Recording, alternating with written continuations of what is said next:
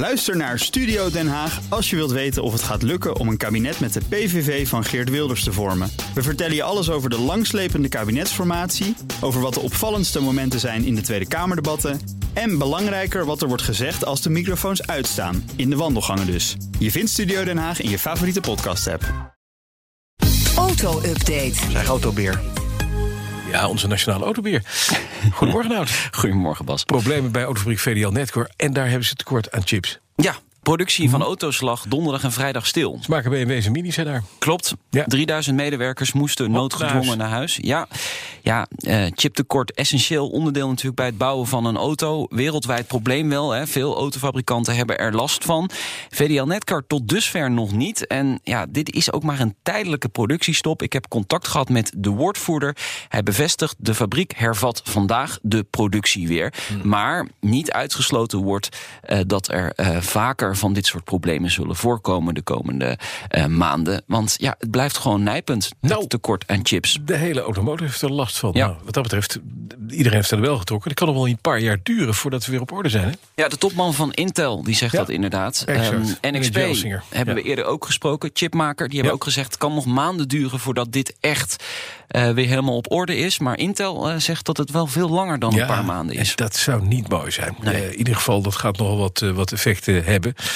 Maar we gaan het zien. Dan, de opening van de Tesla gigafabriek in Berlijn loopt weer vertraging op. En dat kwam eerst omdat er een, eh, een, Een bos? mini- er was eerst een bos. Ja, zat. Oh, er was een bos. Ja. toen was er een beestje in het bos. Ja, het doel was in ieder geval om op 1 juli te beginnen met de productie. Maar dat gaat niet lukken, schrijft de Duitse automobielwogge.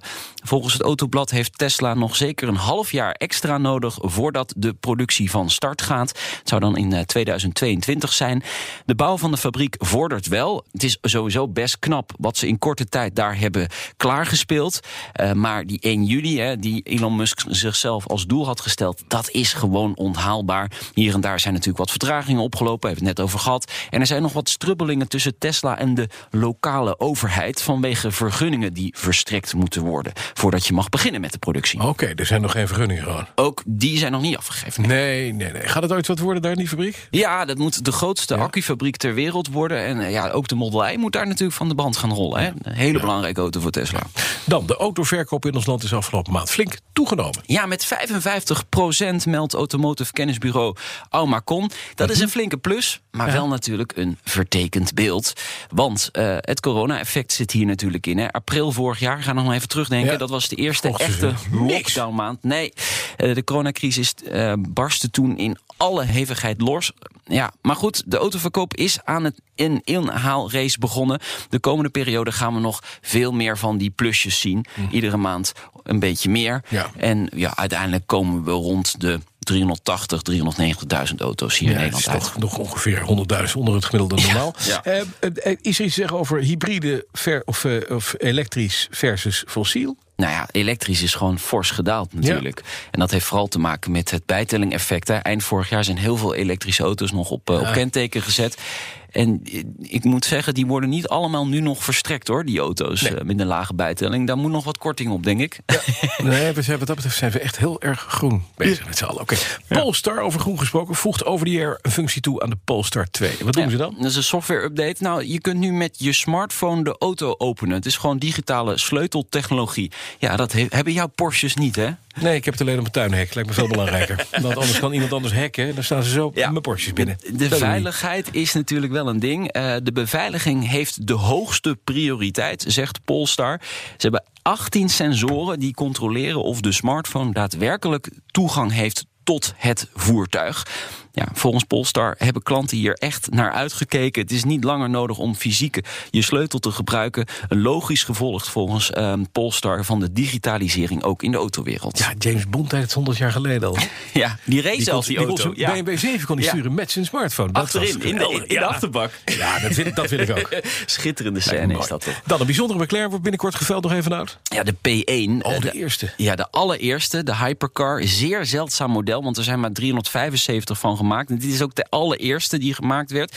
3,8 liter V8, een elektromotor erbij. Krijg je 916 pk.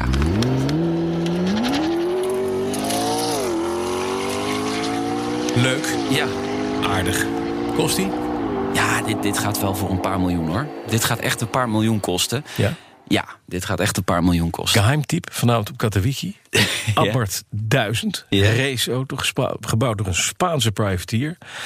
105 pk uit een 1000 cc, vier Weber-carburateurtjes, lightweight body. Eigenlijk is het een soort mini Maserati Bora. Staat nu op 104.000 euro. Zo. Ja. Dat is een tip van jou. Dat is een geheimtip. Is het een En goede prijs? Een goede rood. prijs? Ja, is een goede prijs. Heel zeldzaam. Er zijn er maar een paar van gebouwd. Carlo Abarth zelf geconstrueerd. Mega snel, raspend motortje. 8000 toeren uit een motor die toen in een Fiat 600 zat. Ja. Ja, Ja? dat is wel knap inderdaad. Ja. 105 pk. Rijdt 230. Kom jij voorbij? Ben jij in de markt voor deze auto? Ik zelf niet, nee, want ik ben aan het sparen voor een eh, spaarrekening. Dankjewel. Heel verstandig. De Nationale Autoshow. Als je meer wil weten over auto's, dan kan dat altijd. Aanstaande vrijdag weer om drie uur de Nationale Autoshow.